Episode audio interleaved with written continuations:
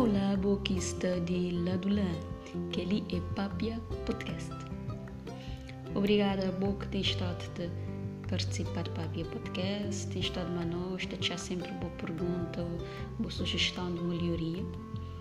Uh, para quem que a assistir pela primeira vez, seja bem-vindo ao Papia Podcast. Na nossa primeira temporada, nós tem partilhado temas sobre quaresma e não só. Futuramente há outros temas mais diversos. E como hoje é o primeiro sábado do mês, todos os primeiros sábados do mês, Papia Podcast tem um tema especial de Maria.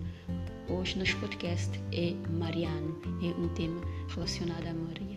Participa, já sempre pergunta, boa sugestão e junto, nota crescer na fé. Vamos lá?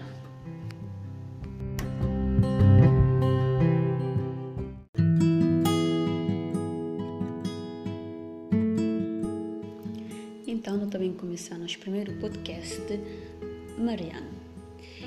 E nesse tempo da quaresma, né, estava a gostar de recordar Maria. Nesse tempo em que nos nota lembrar a história de nossa salvação desde o início da nossa queda, maneira que Deus conduzisse o povo até a nossa salvação em Cristo Jesus a crucifixão, a paixão e a ressurreição. Mas aí pode perguntar, mas o que, que Maria tem a ver com a história de nossa salvação? O que, que Maria tem a ver com a paixão de Cristo? Tem uma frase de Papa Bento XVI que está a dizer assim: Maria, no caminho quaresmal, ela segue Jesus com fé a Jerusalém para sofrer a paixão. E até acrescentar: é ela a primeira a receber aos pés da cruz a graça de de salvação derramada pelo coração traspassado do seu filho. Ou seja, através desse frase, o Papa já, o Papa Bento XVI já dá-nos resposta. Maria faz parte, sim, da paixão. Ela caminhar e seguir seu filho durante todo o seu percurso, inclusive na cruz, no sofrimento. Ela percorreu o caminho do crucificado então ela deve ser lembrada neste tempo quaresma que deve, deve. Se Jesus é o homem das dores, cima está dizendo o profeta Isaías, Maria é a mulher das dores, é a mãe das dores, é a mulher do sofrimento que sofreu as mesmas dores, não de forma, não da mesma forma, mas também sofreu com a paixão do seu filho. Se nós não te compadecer, imagina ela. Não só compadeceu do filho, como compadeceu de nós. Mas não é só isso é que te fazer de Maria presente no plano da salvação. Né? E se ela te fazer parte desse plano é porque Deus quis. Jesus poderia ter caído do céu, mas não. Deus escolheu Maria para ser mãe de Jesus. Ele escolheu essa mulher para Jesus bem ao mundo. E no domingo passado, na segunda leitura, São Paulo está dizendo uma frase assim: Se por um homem veio o pecado, veio a condenação de todos, por um veio a justificação de todos. Ou seja, se por Adão veio a condenação de todos os homens, não, não fica todo pecador por meio de Adão, por meio de um só, Cristo Jesus, nós tudo não alcança a redenção.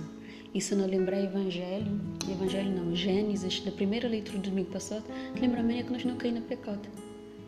Eva deixa ser seduzido pela serpente, que dá fruto, não mansão a Bíblia ainda diz ser maçã. É o fruto que quer dizer que a serpente seduziu Eva e Eva caiu em pecado e Eva levou Adão a pecar. E depois, quando Deus chega, toma satisfação na tua gente, percebe o que é que passa, aí ele chega na serpente. Boia malvada, entre tudo animal, mas esteja para sempre. Aí ele diz: Farei reinar a inimizade entre ti e a mulher, entre a sua descendência e a descendência dela. Gênesis 3,15 ainda está presente perante o primeiro anúncio do Evangelho, o primeiro anúncio da salvação, que está chama proto-evangelho. E que mulher é essa que Deus referiu lá no início da criação, quer dizer, está para inimizade?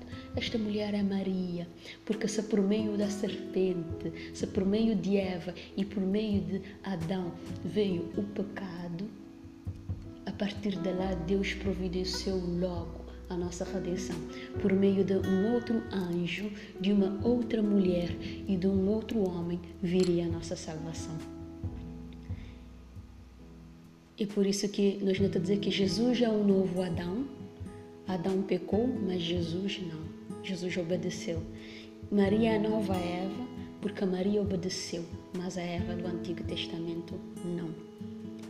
E sempre não te esquecer também da, dos anjos. Ali, serpente é uma comparação mais ali perante o anjo do mal, o anjo que desobedeceu a Deus, que é Lúcifer.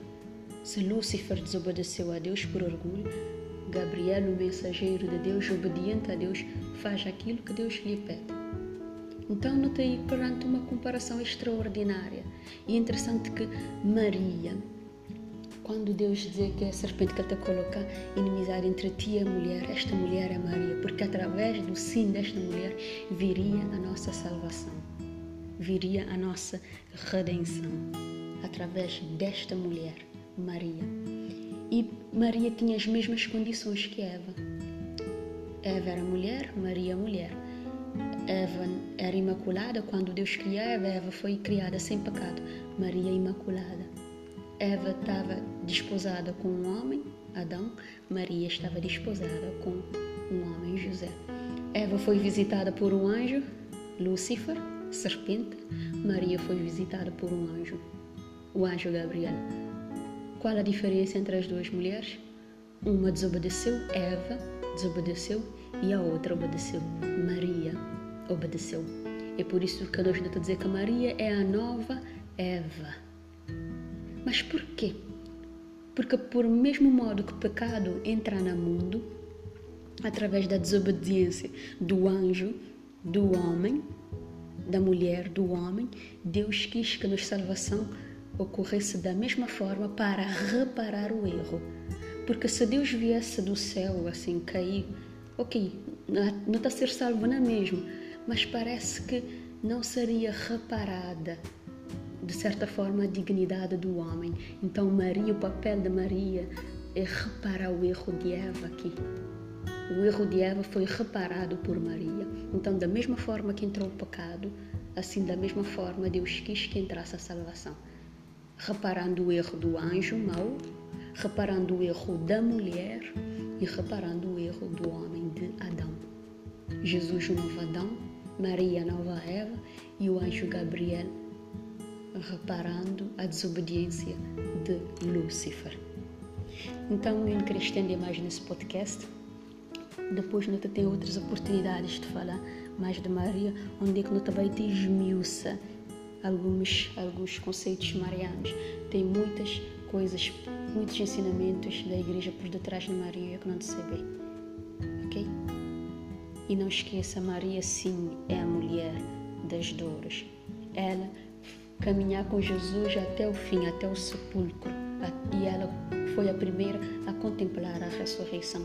Não podemos nunca excluir Maria desse caminho de salvação, lembrando sempre que o centro é Jesus. Se por se Jesus é o Salvador, por Maria veio o Salvador. Eu queria só terminar com uma frase de um santo extraordinário que escreveu livros marianos, devoto mariano, e que acho que todo mundo deveria ler esse livro. Um desses livros, que é o mais lido, que é o Tratado da Verdadeira Devoção à Virgem Maria.